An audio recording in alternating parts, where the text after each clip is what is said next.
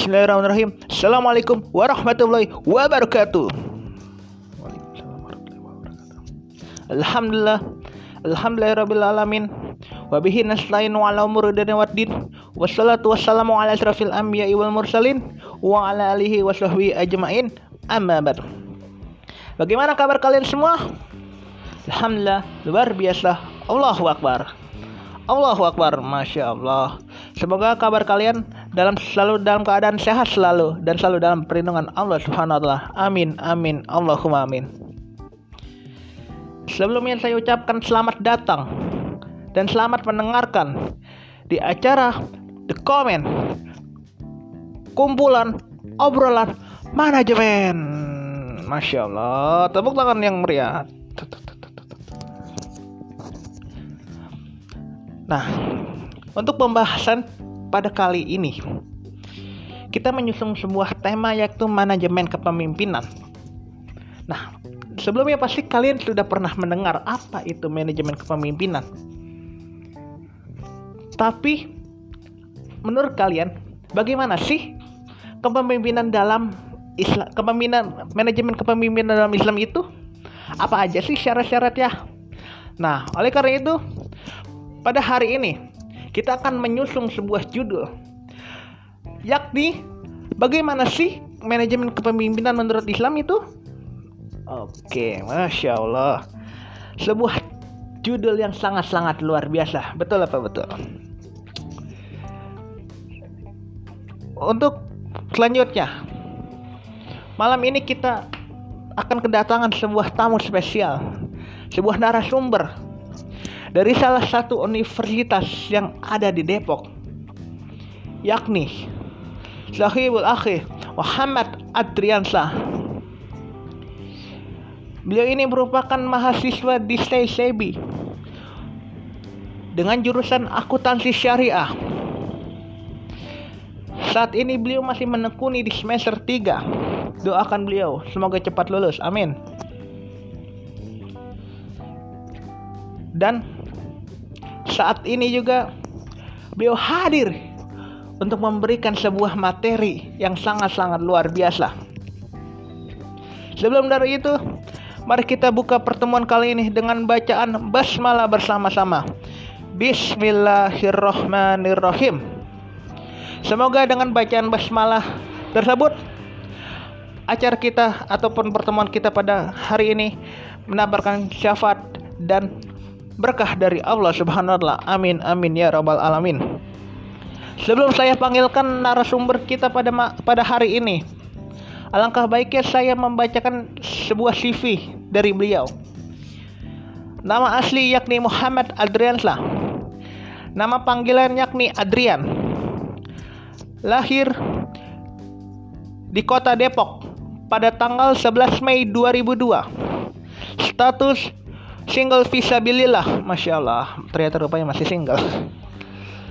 Pendidikan dari TK hingga universitas saat ini beliau menekuni dalam bidang Islamiyah TK yaitu Taman Kanak-Kanak Al-Quran Al-Islamiyah SD-nya yakni di Madrasah Ibtidaiyah Iyanatul Ikhwan. SMP-nya yakni di Madrasah Sanawiyah Negeri Cimanggis, Kota Depok untuk SMA-nya yakni beliau di Madrasah Aliyah Negeri 1 Kabupaten Bogor dengan jurusan yakni IPA. Dan kuliahnya yakni di Universitas Sekolah Tinggi Ekonomi Islam STSEB dengan prodi akuntansi syariah. Beliau juga aktif di organisasi yakni salah satunya di Rohisman 1 Bogor. Beliau menduduki jabatan Alhamdulillah menjadi seorang koordinator ikhwan. Beliau juga aktif di lingkungan masyarakat, di antaranya yakni mengikuti Karang Taruna. Yakni beliau menjadi seksi keagamaan. Dan beliau juga memiliki aktif dalam peran acara. Banyak sekali acara-acara yang telah dia lakui dan sebagai panitianya. Apabila saya bacakan satu persatu maka bisa jadi sampai subuh. Masya Allah. Tanpa panjang lebar kali. Kita panggilkan narasumber kita. Sahibul Bait. akhi Muhammad Adriansah kepada Muhammad Adriansah waktu dan tempat dipersilakan mari kita sambut dengan takbir Allahu Akbar Allahu Akbar Allahu Akbar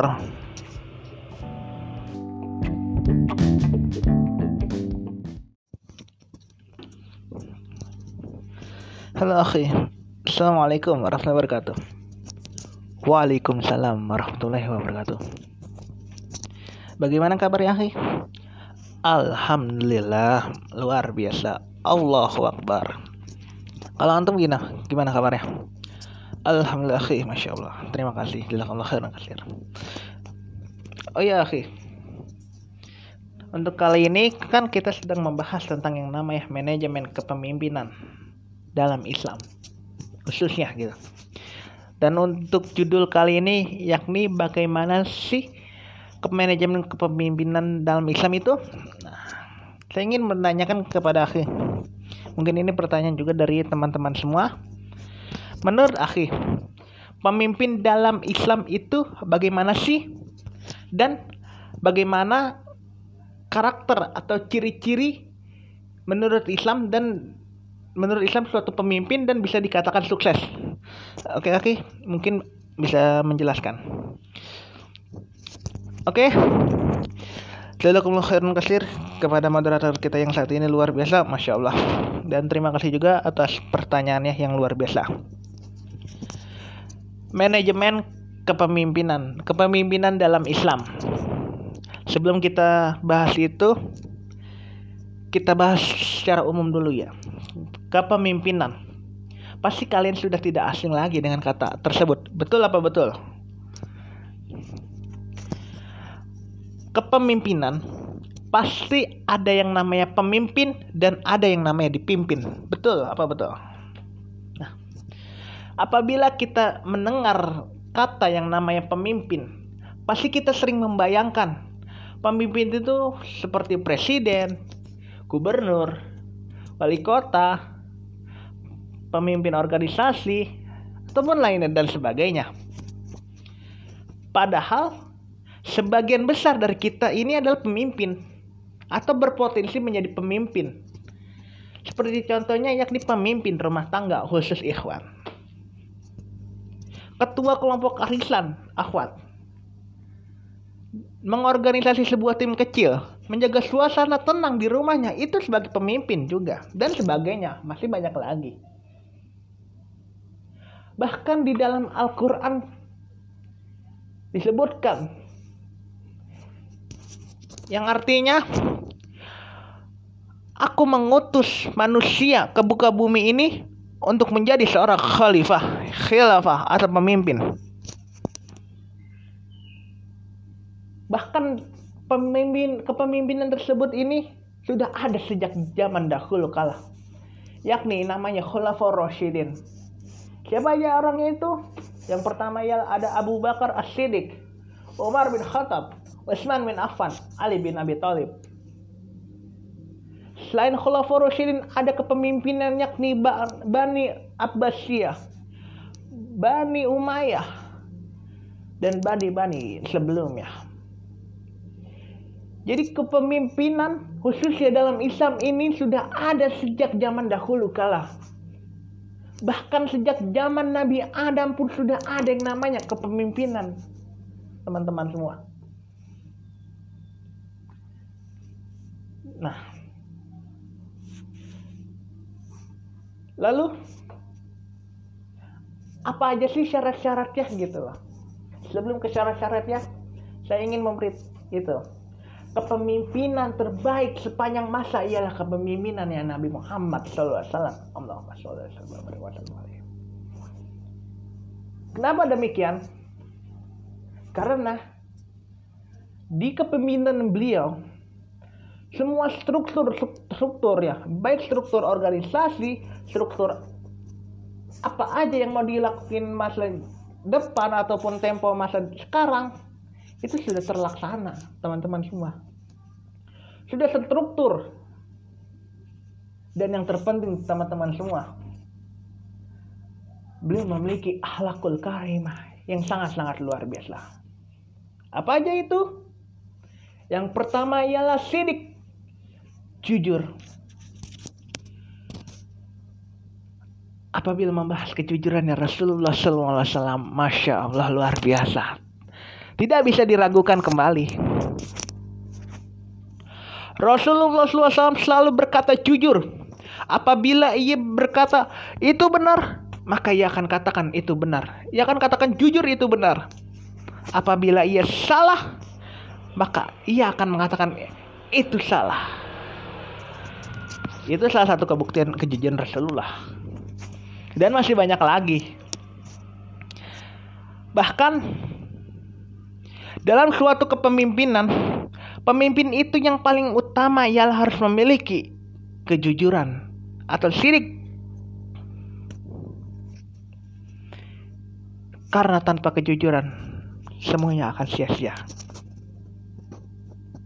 Yang kedua yakni fatona, cerdas. Masalah cerdas Rasulullah SAW juga jangan diragukan kembali. Beliau menguasai ilmu politik, ilmu agama apalagi, ilmu pendidikan dan ilmu-ilmu lain yang beliau memiliki. Tapi ya, bukannya Rasulullah itu tidak bisa baca sejak lahir? Ya, betul. Rasulullah SAW sejak lahir memang tidak bisa baca. Makanya turun ayat Al-Quran surat Al-Alaq. Ayat pertama yakti Iqra. Bacalah. Allah menyuruh Nabi Muhammad untuk baca. Tapi ya, beliau kan tidak bisa baca. Beliau buta huruf. Oleh karena itu maka pada waktu itu ada proses pembelahan dada beliau. Nah, pada itu beliau dimasukkan ilmu-ilmu pengetahuan oleh Allah Subhanahu wa taala, ilmu pendidikan, ilmu agama dan ilmu-ilmu lainnya. Hingga makanya hingga sekarang beliau sangat-sangat cerdas. Bahkan di dalam sebuah buku karangan orang Eropa yang terkenal dengan judul 10 orang yang sangat bermanfaat, sangat merubah dunia. Sangat penting dalam dunia. Yang nomor satu ialah Rasulullah Shallallahu Alaihi Wasallam, Nabi Muhammad SAW. Allahumma Nomor satu itu. Nomor satu.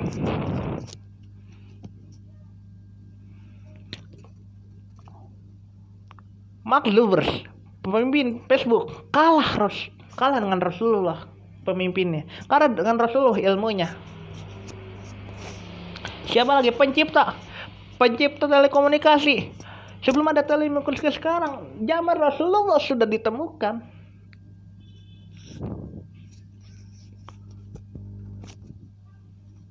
Sudah. Lalu apa?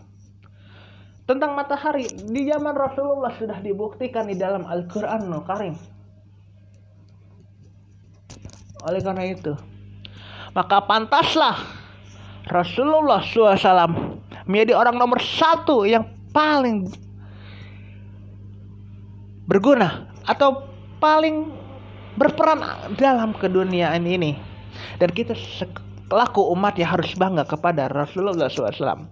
Karena kenapa? Karena memiliki suatu pemimpin, pemimpin umat yang sangat-sangat luar biasa seperti Rasulullah Wasallam. Masya Allah. Bangga tidak menjadi umatnya Rasulullah SAW? Harus bangga tuh. Harus, harus bangga. Masya Allah. Selanjutnya, Rasulullah SAW memiliki sifat tablik Tablik di sini menyampaikan, menyampaikan di sini ialah berhubungan masyarakat kepada yang dipimpinnya tersebut. Jadi antara pemimpin dengan yang dipimpin itu setara. Rasulullah SAW tidak diragukan lagi. Rasulullah SAW itu berbaur kepada masyarakat. Dia tidak malu karena dia menjadi pemimpin. Dia tidak malu karena dia menjadi raja. Dia tidak malu menjadi seorang penguasa bahkan Rasulullah SAW menganggap dirinya itu sebagai masyarakat biasa. Luar biasanya Rasulullah SAW. Masya Allah.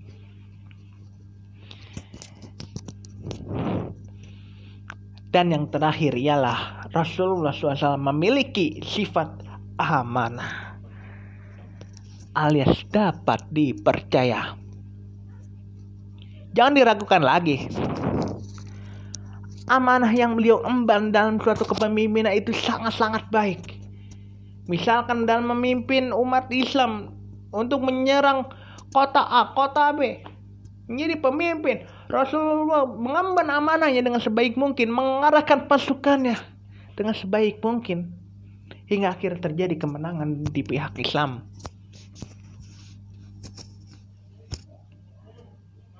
Masya Allah.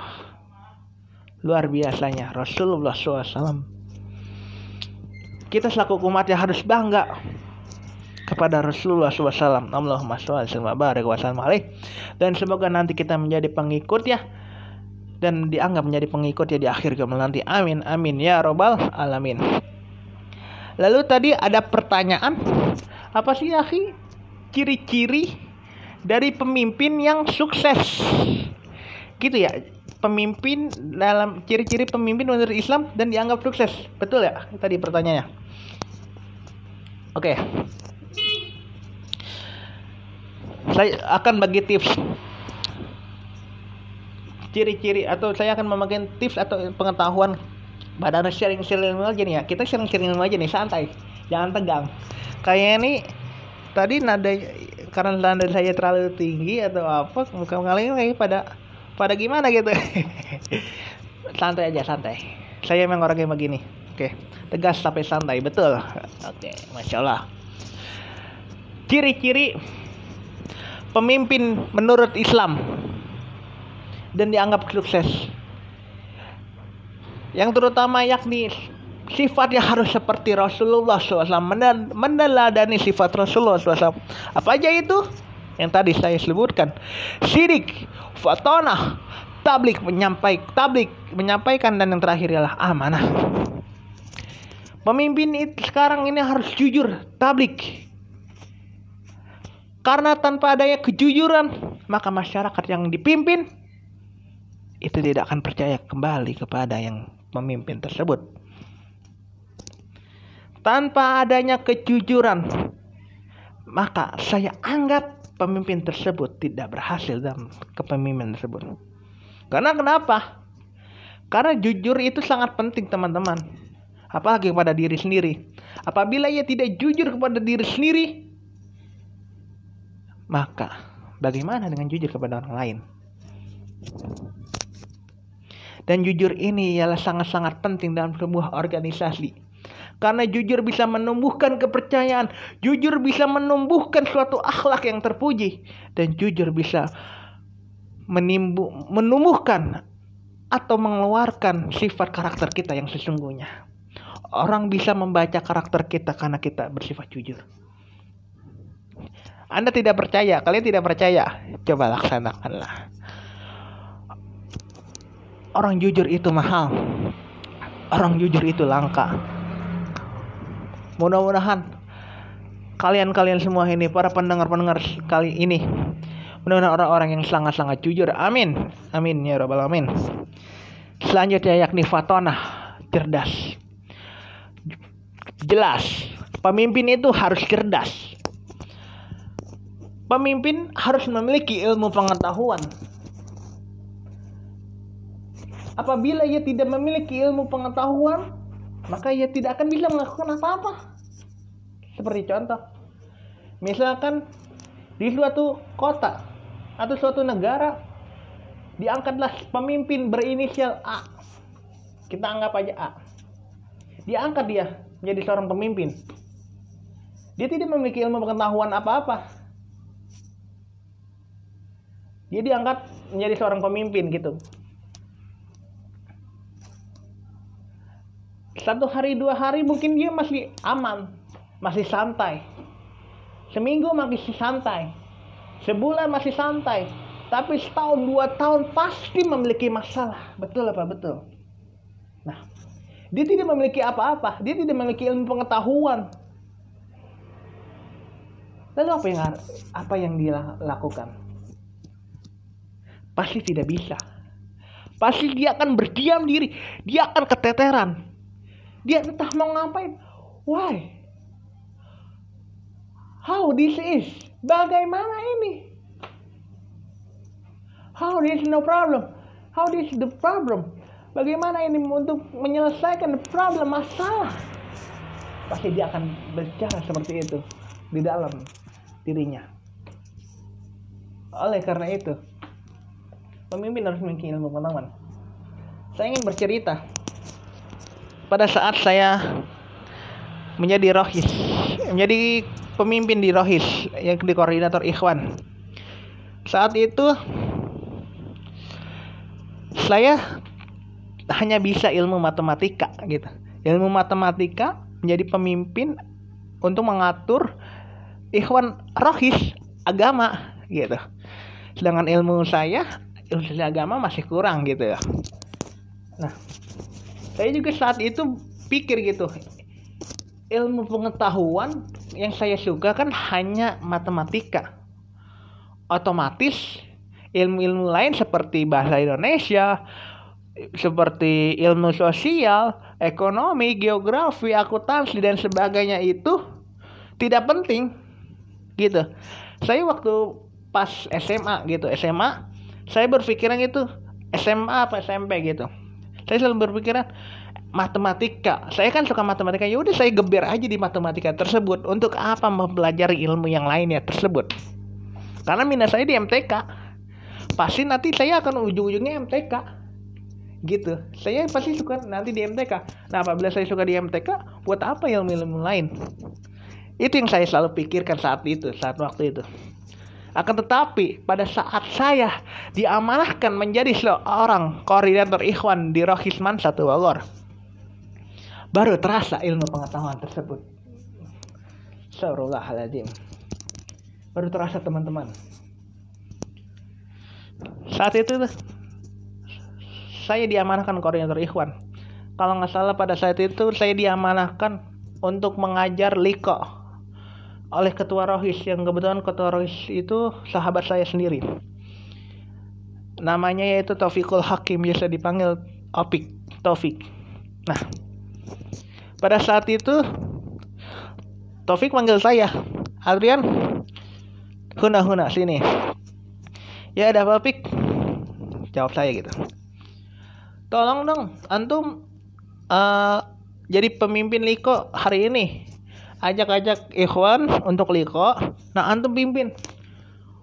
Why what? Dalam hati saya itu what this is? Apa itu? Oh bagaimana? Gitu. Sedangkan saya tuh tidak bisa atau tidak mempunyai ilmu agama yang lebih gitu ilmu agama saya sangat-sangat rendah. Nauzubillah subhanahu wa Astagfirullahaladzim ya Allah. Jangan ikutin ya teman-teman semua, jangan ikutin. Nah, karena ini merupakan amanah dari amanah tugas saya gitu. Dan amanah dari ketua rohis is oke, okay, saya terima. Saya terima. Oh, oke okay, nah. Uh, anak akan jadi itu, Liko. Oh, Tafadhal, tafadhal. Syukran, syukran. Jazakumullah khair. Jazakumullah Oke. Okay.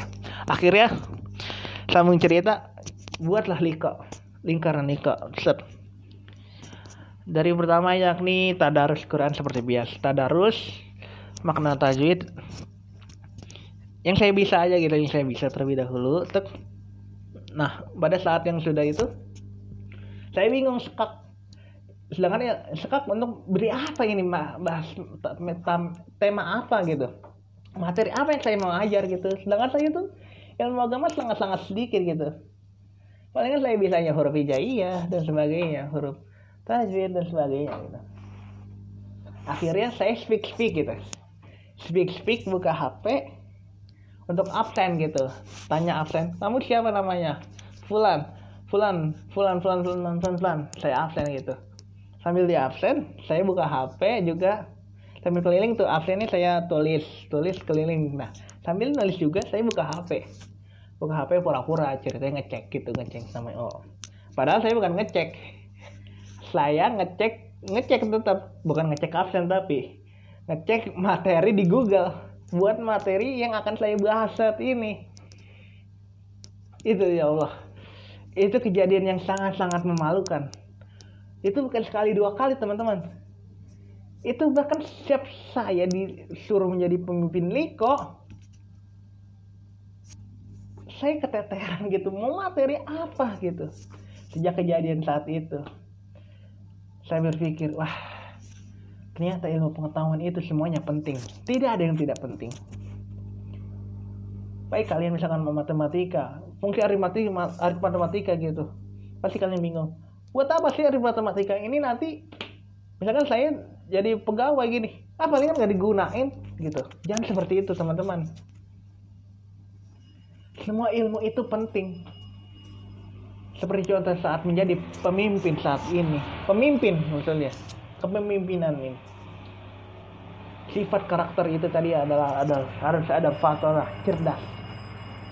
Bukan hanya cerdas satu bidang tapi semua bidang dia cerdas.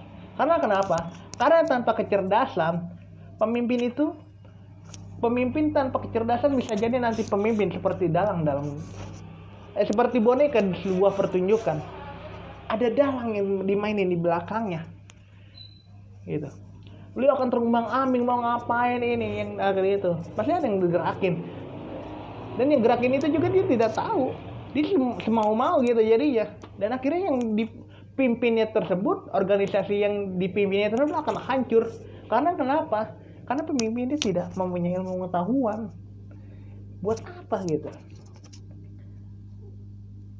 nah oleh teman-teman nih oleh karena itu teman-teman, pemimpin itu harus cerdas. Dan kita semua ini adalah calon-calon pemimpin masa depan. Amin. Ya Rabbal Amin. Nah, oleh karena itu, mantapkan. Mantapkan terlebih dahulu ilmu pengetahuan Anda. Baik itu ilmu politik, ilmu sosial, ilmu ilmu apa pun semuanya kalian kuasailah. Tapi Ustaz eh, tapi akhi kan kita kuasanya harus satu gitu yes. Betul. Pasti semua orang pasti hanya menguasai satu seperti saya gitu. Mohon maaf. Seperti saya tapi coba. Contoh seperti tadi pelajaran yang kejadian saya gitu. Yang sangat sangat memalukan. Saya bisa di MTK saja. Selalu mendalami matematika. Saja. Tanpa memahami saat diberi tugas seperti itu saya keteteran. Saya kelabakan. Mau ngapain saya akhirnya saat itu semua ilmu itu saya anggap penting dan kalian juga harus seperti itu tidak ada ilmu yang tidak berguna semua ilmu berguna oke okay? pemimpin itu harus keras. Selain itu juga pemimpin itu harus tablik menyampaikan menyampaikan di sini ialah toleransi terhadap sesama. Pemimpin itu harus berbaur kepada masyarakat. Jangan sampai seperti kacang lupa pada kulitnya. Apabila ia jadi pem, dulu pada saat kampanye beliau dekati masyarakat habis-habisan tuh beliau dekati tapi pada saat udah jadi pemimpin jangan sampai seperti kacang lupa pada kulitnya dia lupa dia senangan dengan bangku empuk ya tersebut. Ujubilah summa ujubilah jangan seperti itu kawan-kawan. Pemimpin itu harus tablik menyampaikan harus berbaur kepada masyarakat toleransi. Dan ini harus menyampaikan menyampaikan inovasi dan krea inovasi ataupun hal-hal yang untuk mengembangkan negaranya atau organisasi tersebut. Jangan dipendam saja buat apa dia pintar tapi ilmu itu pendam harus sharing-sharing terhadap masyarakat. Jangan pelit pelit. Gitu.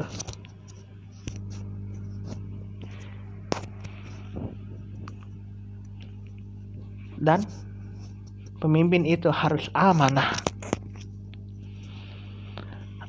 Amanah dan menjalankan embannya. Jangan sampai amanah yang dia terima itu malah iya khianati. Apabila suatu pemimpin tidak amanah maka saya bisa anggap pemimpin itu munafik. Tapi akhi Afwan, kok antum main asal cap-cap dia munafik saja? Padahal tidak boleh. Oke, baik. Mohon maaf. Saya bisa katakan seperti itu mengapa? Karena di dalam hadis Al munafiqu salasa. Ciri-ciri orang munafik itu ada tiga. Ija hadasa kadabah wa ija hadasa akhlaq wa ija taruna khalaq. Afwan kalau misalkan ada kata-kata yang salah. Yang intinya Ciri-ciri orang munafik itu ada tiga. Apabila ia berbicara, ia berdusta. Maksudnya apa? Berbohong. Apabila ia berjanji, ia mengingkari. Apabila ia dipercaya, ia berkhianat. Itu. Apabila ia dipercaya, ia berkhianat. Maksudnya apa? Apabila ia diberi amanah, suatu amanah. Tapi ia mengkhianati amanah itu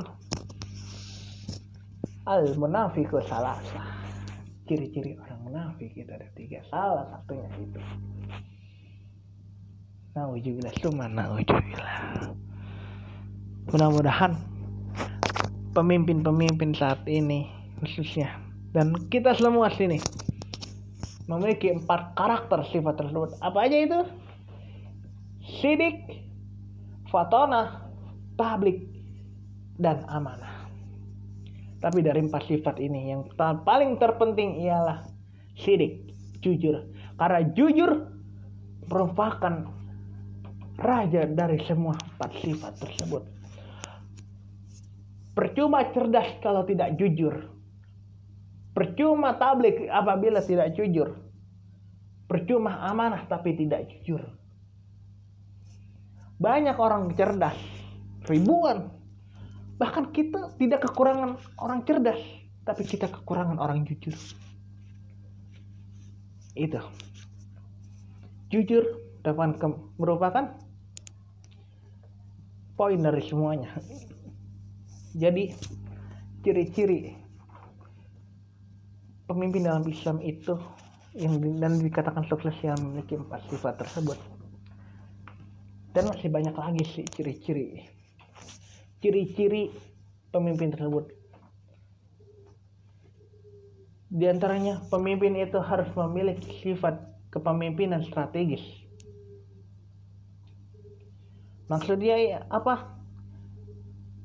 Pemimpin itu harus bisa menggairahkan semua masyarakat itu. Pemimpin harus berpikir strategis.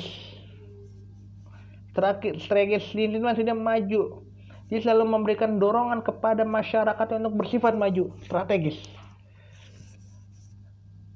Pemimpin juga harus bisa membangkitkan semangat dan gairah perubahan dari setiap orang di dalam suatu organisasi untuk menyelesaikan diri dengan lebih cepat serta berjuang keras dan bekerja keras untuk mendapatkan hasil perubahan yang lebih baik dari rencana yang ada. Pemimpin harus bersifat strategis gitu. Dan satu lagi oh ya, pemimpin dengan bos itu beda. Beda, teman-teman. Kalau pemimpin itu memberikan inovasi dan semangat perjuangan, memberikan solusi. Akan tetapi kalau bos hanya memberikan instruksi, memberikan perintah saja tanpa memberikan solusi yang ada. Pemimpin itu memberikan motivasi dan sabar terhadap apa kejadian yang terjadi. Sedangkan bos itu hanya bisa memarahi tanpa bisa memberi motivasi. Pemimpin itu terjun ke masyarakat, sedangkan bos hanya duduk di ruang rapat dan membahas soal-soal yang tidak akurat. Dan masih banyak lagi perbedaan perbedaan perbedaan antara pemimpin dan bos tersebut. Dan masih banyak lagi sih ciri-ciri dari pemimpin tersebut. Pemimpin juga harus memiliki kemampuan interpers interpersonal. Maksudnya ya skill. Pemimpin harus tadi skill. Skill sini maksudnya tadi fatona, cerdas. Cerdas, baik cerdas. Skill dalam berbicara di depan masyarakat, berbicara ataupun skill tentang inovasi dan kreatif. Pokoknya pemimpin itu harus mempunyai kemampuan interpersonal skill atau cerdas fatona dan pemimpin harus memiliki kemampuan teknis. Teknis sama saja kayak kemampuan interpersonal atau skill. Jadi pemimpin itu harus fatona cerdas.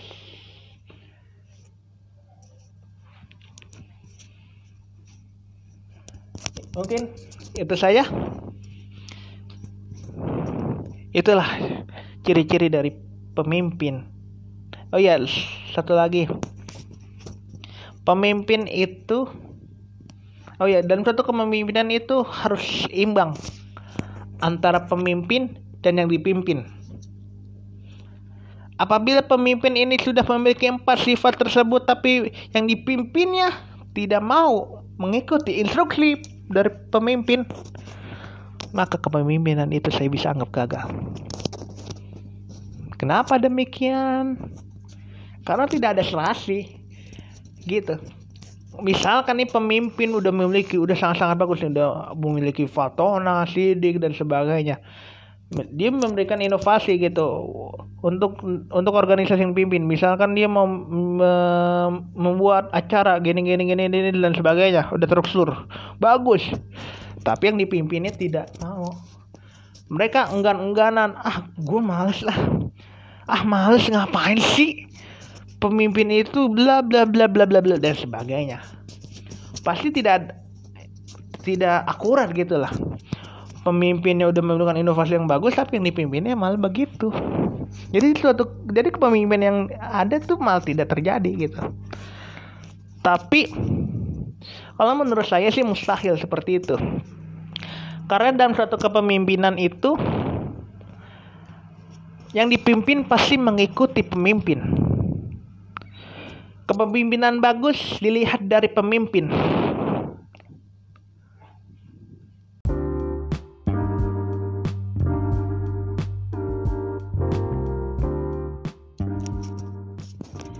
Jadi mustahil gitu menurut saya apabila dalam suatu kepemimpinan pemimpin dalam suatu kepemimpinan itu baik maka yang dipimpinnya tersebut akan ikut baik. Namun sebaliknya apabila dalam suatu kepemimpinan pemimpinnya tersebut tidak memiliki akhlak tidak memiliki empat sifat atau istilah zaman sekarang kagak ada akhlak gitu loh. Pemimpin kagak ada akhlak. Istilah zaman sekarang itu maka yang dipimpinnya tersebut juga nggak ada akhlak? Jangan berharap yang dipimpin eh, yang jangan berharap yang kita pimpin itu akan bersifat baik. Tetapi ke diri kita jahat gitu. Jangan berharap seperti itu. Karena kenapa? Karena apa yang kita karena pem, eh, yang dipimpin itu akan selalu mengikuti yang pemimpin. Pemimpin menjadi sebuah apa namanya cerminan dari yang dipimpin. Pemimpin baik maka yang dipimpin pun juga baik.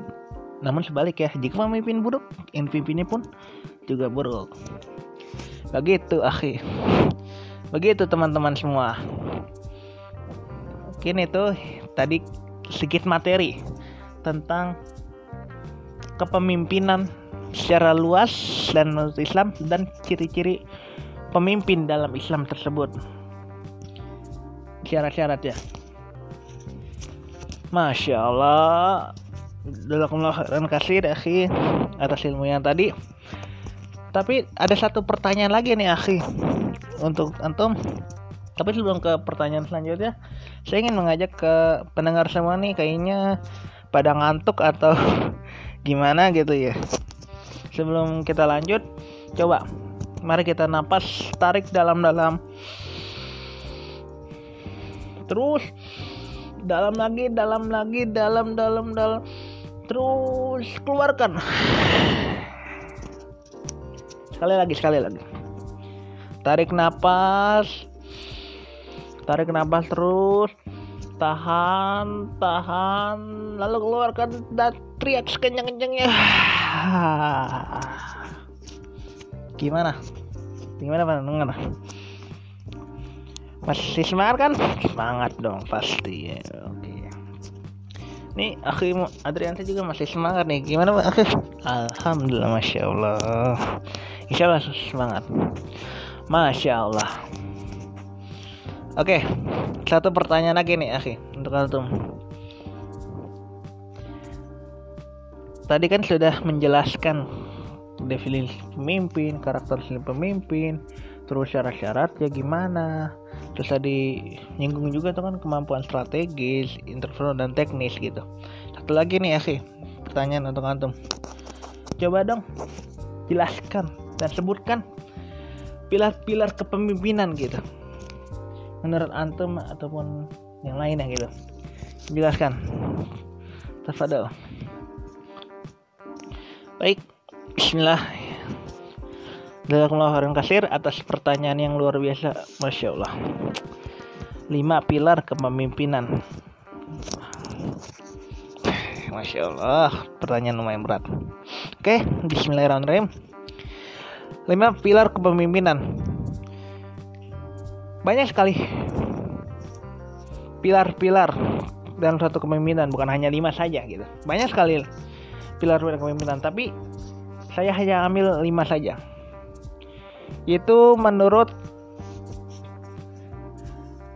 teori seperti banyak sekali itu. Seperti dari berbagai teori seperti the leadership triad yang dikemukakan oleh Dal uh, Zen survei dari Cousins dan Fosner 1993 1993 karakteristik para pemimpin besar serta pengalaman penulis dibuatlah sintesa yang dinyatakan dalam lima pilar kepemimpinan.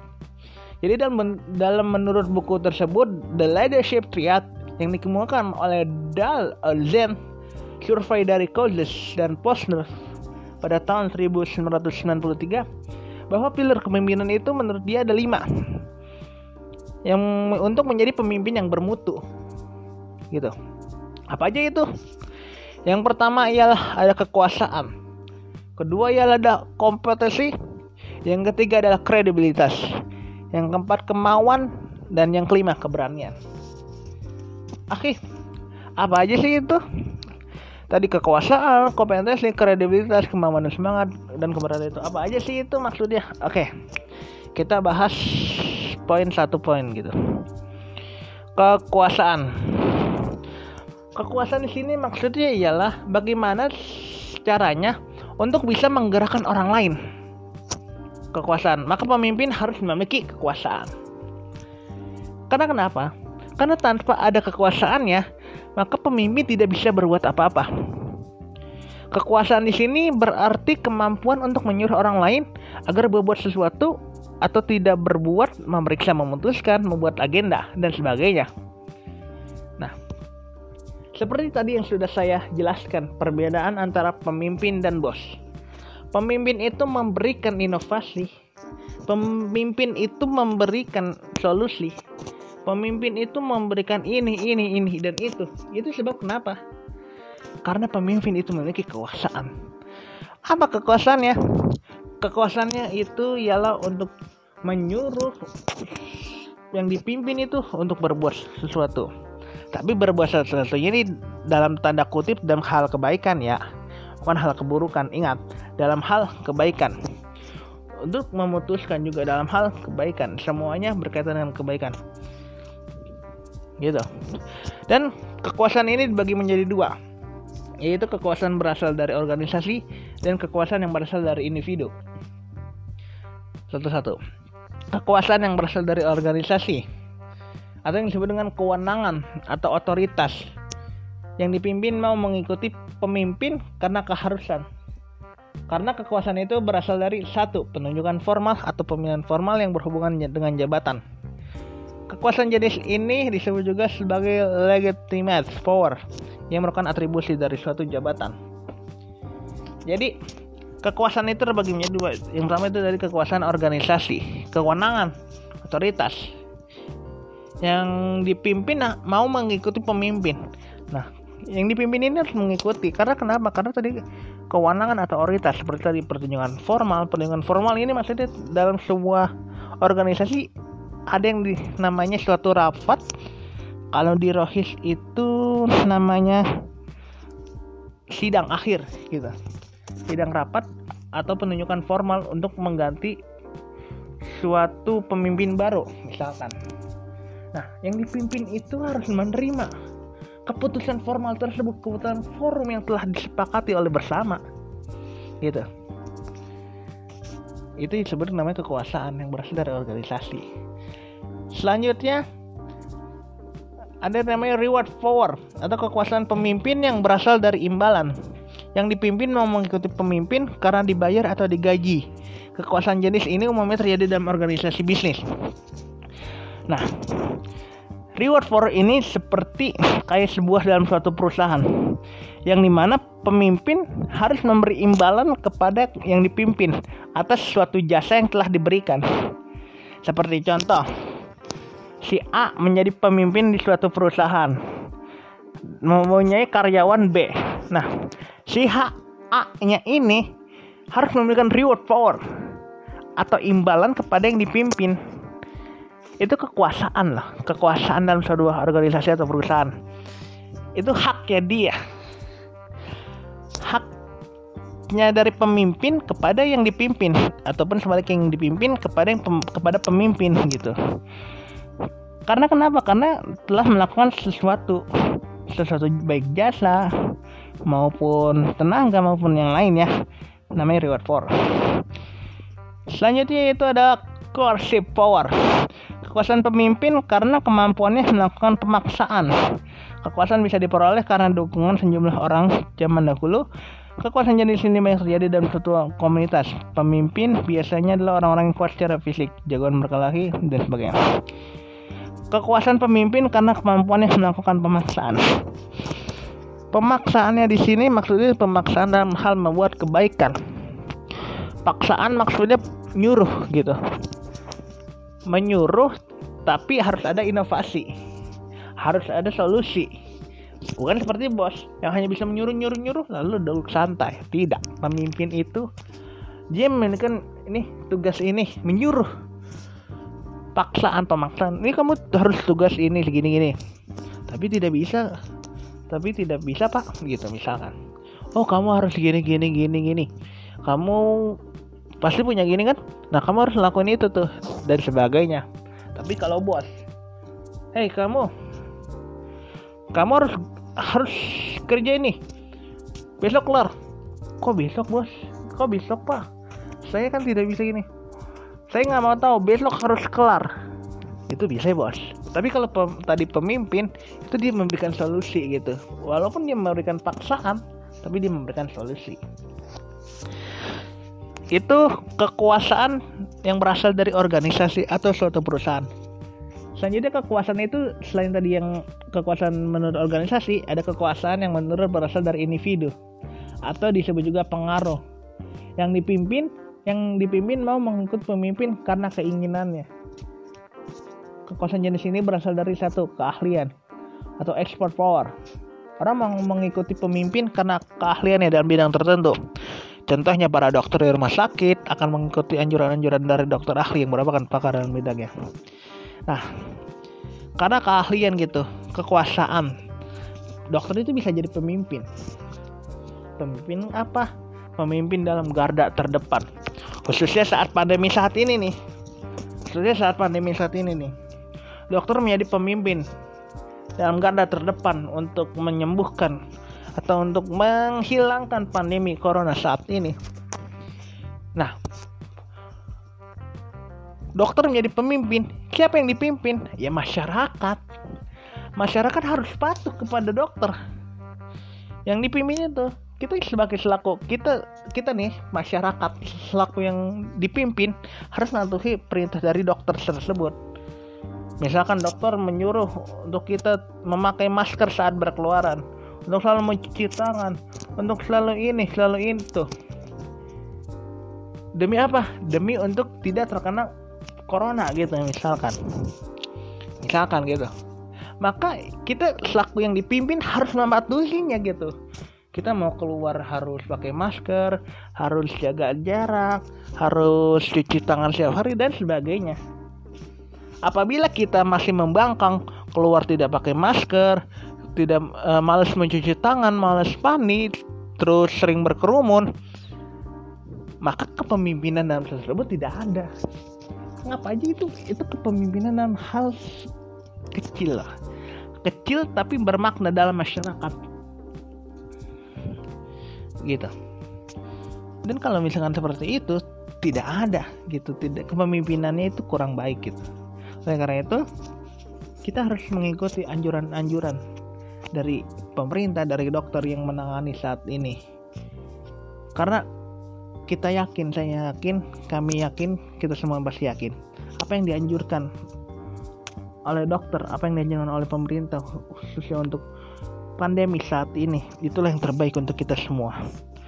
Maka jalankan protokol-protokol kesehatan seperti memakai masker, mencuci tangan, jaga jarak, terus dan sebagainya. Jangan sampai kita terkena naujubillah summa naujubillah. Selanjutnya yakni reference power. Pengaruh pemimpin karena ia merupakan tokoh agama seperti ustadz, pastor, dan sebagainya dan orang-orang yang dianggap soleh gitu atau ulama nah sama seperti tadi keahlian karena keinginannya gitu karena pengaruh pengaruh dari kekuasaan yang berasal dari individu. Misalkan kita kita beragama Islam. Kita beragama Islam kita ngaji. Kita ngaji pasti otomatis ada ustadz dan ada murid dong. Itu sebenarnya sudah terjadi kepemimpinan teman-teman. Kok bisa akhi bisa duduk kepemimpinan? Ya bisa. Karena ada pemimpin ada yang dipimpin. Siapa pemimpinnya akhi siapa yang dipimpin pemimpinnya yaitu ustadz. Yang dipimpinnya yaitu murid gitu. Yang muridnya ini harus mengikuti perkataan yang ustadz pemimpinnya tersebut.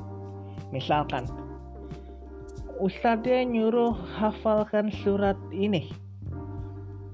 Itu demi kebaikan. Dengan metode ini ini supaya kamu bisa supaya kamu berguna di dunia akhirat. Solusi dan motivasi gitu itu pemimpin harus mengikuti namanya revert power pengaruh pemimpin karena ia merupakan tokoh agama sama seperti keahlian tadi dokter tersebut Selanjutnya adalah information power. Pengaruh yang diperoleh karena seorang pemimpin kaya dengan informasi adalah kekuatan siapa yang memiliki informasi maka ia akan menguasai orang-orang yang tidak memiliki informasi. Banyak orang sih pengaruh terhadap orang yang memiliki banyak informasi gitu. Terpengaruh banyak tuh. Khususnya sekarang saat ini. Informasi sedikit saja itu bisa jadi besar loh.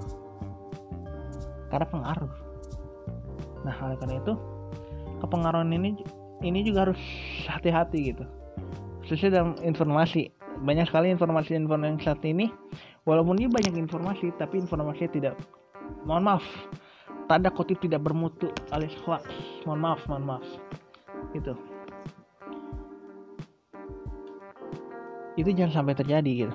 Kita harus memilih informasi power ini harus harus benar-benar cerdas kita. Ini pimpin ya tersebut. Jangan sampai kita bodoh terhadap yang dipimpin eh, terhadap pemimpinnya. Pemimpin walaupun dia banyak informasi tapi dia malah menyesatkan jangan diikutin gitu makanya tadi saya sudah bilang dan untuk kepemimpinan itu harus serasi gitu. Pemimpin yang dipimpin harus saling bekerja sama. Pemimpin harus bagus yang dipimpin pun harus bagus. Jangan seperti yang tadi yang saya ucapkan yaitu pemimpinnya menyesatkan tapi yang dipimpinnya mau kebaikan tapi malah diajak sesat jangan seperti itu. Itu jangan sampai terjadi. Naujubillah semua naujubillah selanjutnya tadi kekuasaan. Selanjutnya ada yang namanya kompetensi. Nah, kompetensi ini maksudnya dalam pengertian sempit dan praktis, kompetensi sering dimaknai sebagai pengetahuan dan keterampilan. Dalam arti luas, kompetensi tersebut maksudnya adalah segala bentuk tentang motif, sifat, pengetahuan, keterampilan, perilaku, atau karakteristik pribadi lain yang penting untuk melaksanakan atau yang membedakan kinerja rata-rata dan superior. Nah, kompetensi ini seperti pengetahuan dan keterampilan atau fatanah tadi. Dalam arti luas, segala bentuk tentang motif sifat pengetahuan. Ilmu pengetahuan, fatanah kecerdasan. Nah, kompetensi ini juga sama seperti tadi kekuasaan, dibagi menjadi dua. Ada yang namanya hard competition atau pengetahuan yang sulit kompetensi hard yang sulit dari skill dan crowd keterampilan dan pengetahuan. Nah kompetensi ini yang paling sangat-sangat sulit gitu. Skill. Banyak orang yang sulit terhadap skill tersebut. Khususnya dalam suatu kepemimpinan baik yang pemimpin maupun yang dipimpin. Apabila oleh karena itu maka pemimpin itu harus memiliki skill gitu yang dipimpinnya pun juga harus memiliki skill dan knowledge pengetahuan. Keterampilan pengetahuan harus seimbang. Anggap aja dunia dan akhirat gitu. Masya Allah. Dunia dan akhirat uh. pembahasannya jadi jadi luas sih. Next. Soft competence terdiri dari motif orientasi keberhasilan citra diri perangai bakat humor dan sebagainya. Tadi itu pengarang kompetensi kecil gitu motif orientasi kebersihan cita diri perangkat bakat bakat sendiri sendiri dan humor diri sendiri. Itu harus ada dalam kepemimpinan. Yaitu dalam sebuah lima pilar kepemimpinan atau lima sikap dalam kepemimpinan kompetensi. Nah lalu akhi bagaimana penerapannya atau praktiknya dalam sehari-hari kompetensi ini? Nah bagus sekali pertanyaan antum tadi itu dalam praktik sehari-hari sering dibedakan berdasarkan level. Ada kompetensi minimal, ada kompetensi maksimal, dan kompetensi lainnya. Ada minimal, ideal, dan sebagainya. Dan masih banyak lagi sih praktik sehari-hari itu. Selanjutnya, tadi ada kompetensi dan selanjutnya ada kredibilitas atau credibility Kredibilitas adalah atau sifat dapat dipercaya jauh melebihi rasa suka atau bersahabatan. Kredibilitas membuat yang dipimpin rela meletakkan nasib mereka pada pemimpin. Kredibilitas akan menimbulkan hubungan kerja yang efisien antar pemimpin yang dipimpin, meningkatkan keratan hubungan dan meningkatkan produktivitas. Nah, seperti yang saya sudah jelaskan tadi, pemimpin itu harus amanah, harus dapat dipercaya suatu kepercayaan itu sulit teman-teman. Sama seperti jujur jujur. Karena apabila seseorang sudah mempercayai kepada seseorang misalkan A per, sudah percaya kepada B maka si A ini dia akan menggantungkan hidupnya kepada si B. Menggantungkan hidupnya dalam dalam kutip positif ya hal-hal yang positif gitu dia rela menggantungkan hidup ya karena mungkin si B ini pinter agama, pinter pengetahuan, si adekuatan, cerdas dan sebagainya. Pemimpin misalkan gitu. Maka kredibilitas atau sifat dapat dipercaya. Namun sebaliknya, apabila si B ini tidak bisa tidak punya apa-apa otomatis tidak dapat dipercaya. Gitu atau yang tadi sifat menafik mohon maaf sifat menafik seperti itu. Tidak ada yang namanya kredibilitas? Sebaliknya visibilitas kredibilitas atau dan sebagainya sebaliknya dari kredibilitas itu tidak dapat dipercaya. Dan apabila suatu kepemimpin atau pemimpin tidak dapat dipercaya maka ia termasuk dalam tergolong dan orang-orang munafik. Nauzubillah summa nauzubillah. Selanjutnya selain kredibilitas ada kemauan dan semangat. Kemauan dan semangat saling mempengaruhi seperti dua sisi dalam satu mata uang. Kemauan bukanlah segalanya, namun tanpa kemauan segalanya tidak akan ada. Jika seorang pemimpin menyangkau orang lain dengan penuh semangat, maka dia akan juga sambut dengan penuh semangat. Kemauan dan semangat itu bagaikan satu keping koin. Kemauan depan semangat belakang. Harus saling irama gitu. Kemauan bukanlah segalanya namun tanpa kemauan segalanya tidak akan ada. Jika tidak ada kemauan maka tidak ada semangat. Jika tidak ada semangat maka tidak ada kemauan. Maka pantas kemauan itu kemauan dan semangat itu bagaikan satu keping koin yang di mana ada depan ada belakang. Yang di mana ada belakang ada depan. Gambarnya selalu irama. Dan selalu mengikuti gitu. Selalu dalam satu wadah yaitu wadah kepemimpinan. Yang terakhir ialah adalah keberanian. Keberanian. Keberanian di sini maksudnya adalah kemampuan bertahan dari rasa khawatir dan rasa takut.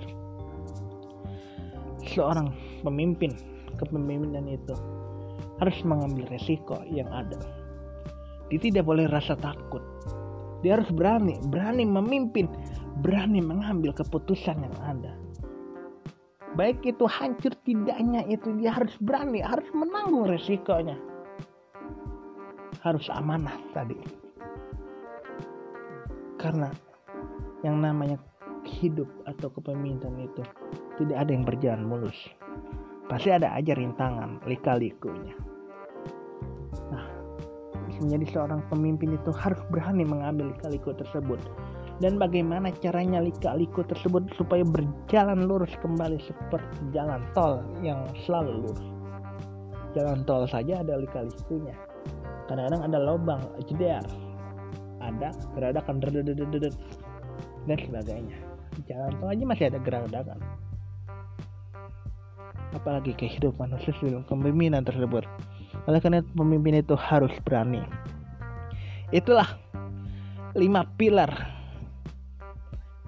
yang harus ada dalam kepemimpinan. Apa aja itu? Yang pertama ia adalah kekuasaan. Kekuasaan tadi dibagi menjadi dua, yaitu kekuasaan organisasi dan kekuasaan individu. Organisasi yang untuk kepada organisasi atau suatu perusahaan. Kalau individu ialah suatu keinginan dalam diri diri sendiri atau pengaruh. Seperti dari pengaruh dari dokter kepada itu. Itu kepemimpinan juga. Dari ustadz ke anak murid ya itu kepemimpinan juga pilarnya. Kedua kompetensi. Yang ketiga kredibilitas. Yang keempat kemauan dan semangat. Dan yang kelima keberanian. Lima pilar itulah yang harus diterapkan dalam kehidupan kepemimpinan lima pilar itu juga yang tadi yang lima pilar itu merupakan teori di dalam buku The Leadership Triad yang dikemukakan oleh Bill Zen survei dari College dan Postnet 1993 itulah lima pilar semoga pilar-pilar tersebut terdapat dalam kepemimpinan saat ini khususnya dan umumnya untuk kepemimpinan yang akan nanti kita pimpin khususnya kepemimpinan kalian-kalian semua karena kenapa? karena kalian-kalian lah semua para calon-calon generasi madani para generasi calon-calon penerus masa depan, para calon-calon penerus pengebrak, pendobrak generasi masa depan. Karena pemuda itu pendobrak semua teman. Saya teringat apabila pemuda itu saya teringat kepada sosok presiden pertama yakni Bung Karno dengan kata-katanya itu, berikan aku satu pemuda, maka aku akan guncangkan dunia. Pemuda sini pemuda yang berkualitas, pemuda yang berakhlak kalau karimah, pemuda yang bersifat rasul, yang memiliki sifat atau karakter atau karakteristik seperti Rasulullah Shallallahu Alaihi Wasallam. Allahumma Semoga kita semua selalu dalam perlindungan Allah SWT dan apabila nanti di antara kita ada yang menjadi seorang pemimpin maka terapkanlah empat sifat tersebut. Pemimpin yaitu pemimpin harus memiliki sifat tabligh. Pemimpin harus memiliki memiliki sifat fatana pemimpin harus memiliki sifat tabligh pemimpin harus memiliki sifat amanah sidik fatana tabligh amanah. Empat sifat itu harus dikuasai dan apabila sekalian mungkin dari salah satu dari kalian ataupun banyak dari kalian yang nanti suatu saat nanti menjadi seorang pemimpin. Amin amin. Dan pemimpin. Niatkanlah karena Allah. Niatkanlah karena Allah jangan sampai niatkanlah untuk yang lainnya dan masih banyak lagi itu bisa saya sampaikan kepada moderator sekarang Masya Allah akhi materi yang sangat-sangat luar biasa Gimana para pendengar? Materi yang tadi disampaikan oleh Akhi Adrian sangat-sangat luar biasa kan? Oke. Okay. Afan, oke. Okay. Saya punya apa ya pertanyaan lagi. Atau ini sebagai motivasi lah untuk kita semua. Ini kita saat ini sudah berdi ujung acara. Coba dong. Sebagai kata penutup atau motivasi untuk kita gitu untuk menjadi pemimpin gitu. Untuk kepemimpinan nanti. Sok tafadol oke. Baik. Bismillah. Masalah motivasi ya. Afan saya sebenarnya apa ya? Ya Allah. Sama seperti kalian gitu. Bukan hanya kalian saja yang butuh motivasi saya juga motivasi. Kita sama-sama belajar aja gitu ya. Tidak ada yang lebih pintar tidak ada yang lebih berkuasa gitu. Kita sama semua motivasi ya masalah motivasi. Motivasi untuk saya untuk motivasi untuk saya khusus ya dan umum ya untuk kalian. Yakni apabila kalian menjadi seorang pemimpin seperti yang saya sudah cakap harus memiliki empat sifat. Sidik amanah tablik fatona empat sifat karakter ini yang men mencerminkan suatu kepemimpinan bisa sukses. Apabila salah satunya tidak ada maka kepemimpinannya itu kurang afdol kurang sempurna. Istilah katanya istilah kata kalau dalam sebuah makanan lontong sayur misalkan hanya saja lontongnya saja apa rasanya? Tanpa ada sayur apa rasanya pasti hambar. Hanya rasa kerasa lontong gurihnya doang tanpa ada kenikmatan yang sangat lengkap. Yaitu apa? Sayurnya. Yang namanya lontong sayur. Pasti ada yang namanya sayur. Apabila hanya lontongnya saja maka lontong sayur belum bisa dikatakan lontong sayur. Hanya saja lontong saja. Lontong juga belum bisa dikatakan lontong kayak lontong apa namanya bungkus gitu yang daun pisang. Belum bisa kon belum bisa dikatakan lontong. Itu kalau tidak ada yang namanya isinya oncomnya tersebut. So yang namanya isinya tersebut. Begitu juga kepemimpinan.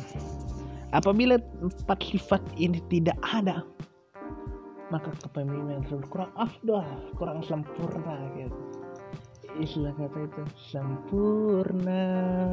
Ya, masya Allah, kurang sempurna. Apabila ingin sempurna, maka sempurnakan empat sifat ini. Jangan ada yang samping terlewatkan khususnya tablik. Eh khususnya maaf khususnya sirik jujur dan yang amanah harus dipertahankan Fatona cerdas harus. Fatona dan tabik harus ditingkatkan. Sama seperti semuanya sangat beriringan dan saya yakin pasti di antara kalian bahkan banyak di antara kalian yang suatu saat nanti menduduki jabatan-jabatan pemerintahan yang saat ini masih dikuasai oleh generasi saat ini. Generasi nanti kalian-kalian semua yang akan menduduki bangku-bangku istana nanti. Bangku-bangku kepresidenan bangku-bangku gedung MPR bangku-bangku wali kota bangku-bangku gubernur bangku-bangku ketua RT ketua RW kelurahan dan sebagainya. Menduduki jabatan sebagai pemimpin. Baik pemimpin negara pemimpin perusahaan pemimpin organisasi maupun pemimpin rumah tangga pasti kalian menjabati seperti itu. Saya berpesan kepada kalian semua, apabila kalian menjadi seorang pemimpin, maka niatkanlah karena Allah.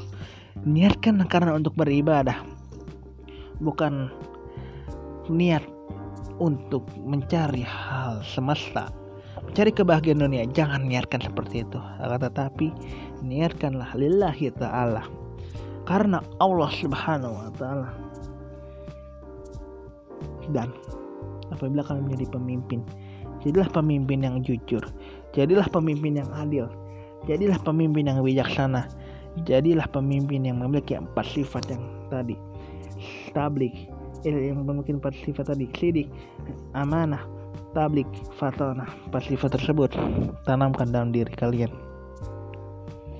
Semoga kita semua menjadi pemimpin-pemimpin yang hebat pemimpin-pemimpin yang seperti akhlak Rasul pemimpin yang telah di, dicontohkan oleh Rasulullah SAW. Ingat kawan, ingat teman-teman,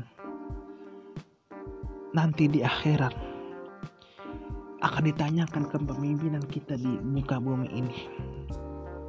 Jangan sampai teman-teman, jangan sampai pemimpin kepemimpinan kita yang bisa menghambat kita masuk surga. Jangan sampai gara-gara kepemimpinan kita jelek, tapi sikap kita setiap hari ibadah rajin, tapi kepemimpinan kita jelek pada saat pertanyaan itu. Jangan sampai kita menghalangi kita untuk masuk ke dalam surganya Allah Subhanahu wa taala. Naujubillah summa naujubillah dan jangan sampai kepemimpinan kita malah membawa kita menuju kejahatan. Malah membawa kita menuju ke dalam neraka jahanam. Naujubillah naujubillah semoga kita tidak seperti itu. Semoga di kepemimpinan kita nanti dapat membanggakan dapat dirindukan oleh surganya Allah Subhanahu wa taala dan dapat mengajak masyarakat atau yang dipimpin kita menuju surganya Allah Subhanahu wa taala. Semoga kita merupakan orang-orang yang dirindukan oleh Allah SWT. Mudah kita semua dapat dipersatukan kembali walaupun kita saat ini secara online walaupun kita saat ini secara podcast secara online. Namun semoga nanti kita bisa dipertemukan di akhir kiamat nanti di dalam surganya Allah Subhanahu wa taala. Amin amin ya robbal alamin. Mohon maaf dari saya. Saya ingin pantun untuk kepada kalian semua Apabila ada jarum yang patah, jangan simpan dalam peti. Apabila ada kata-kata yang salah, mohon maaf dan sekian terima kasih. Upin Ipin bawa galah. Mohon maafin ya kalau saya punya salah. Dari saya cukup sekian. Apabila ada kata-kata yang benar itu datangnya dari Allah Subhanahu wa taala. Apabila ada kata-kata yang salah itu datangnya dari diri pribadi sendiri. Apabila ada kata yang saya juga saya mohon dibukakan pintu maaf yang sebesar-besarnya. Upin Ipin bawa galah. Mohon maafin ya kalau punya salah. Billahi taufiq wal hidayah. Wassalamualaikum warahmatullahi wabarakatuh. Waalaikumsalam warahmatullahi wabarakatuh. Jazakumullah khairan kasir kepada narasumber kita yakni akhi akhi karam Muhammad Adrian. Semoga apa yang tadi ilmu yang diberikan dapat berguna untuk kita semua dapat dan dapat kita terapkan dalam kehidupan bermasyarakat. Amin amin ya robbal alamin. Tak terasa kita sudah di penghujung acara. Sudah di penghujung acara. Saya moderator pada saat kali ini pamit undur diri atas nama kru yang bertugas dan rekan-rekan tim yang lainnya mengucapkan banyak terima kasih kepada para pendengar yang telah menyempatkan yang telah menyem menghadirkan, yang telah menyempatkan waktunya untuk mendengarkan podcast kali ini. Semoga apa yang tadi telah disampaikan oleh akhi Muhammad Adriansyah dapat kita terapkan dan dapat berguna baik dalam pribadi maupun dalam masyarakat. Dari saya cukup sekian atas nama tim The Comment kumpulan obrolan manajemen AS 2019C Sekolah Tinggi Ekonomi Islam Sebi mengucapkan terima kasih dan pamit undur diri. Assalamualaikum warahmatullahi wabarakatuh. Waalaikumsalam.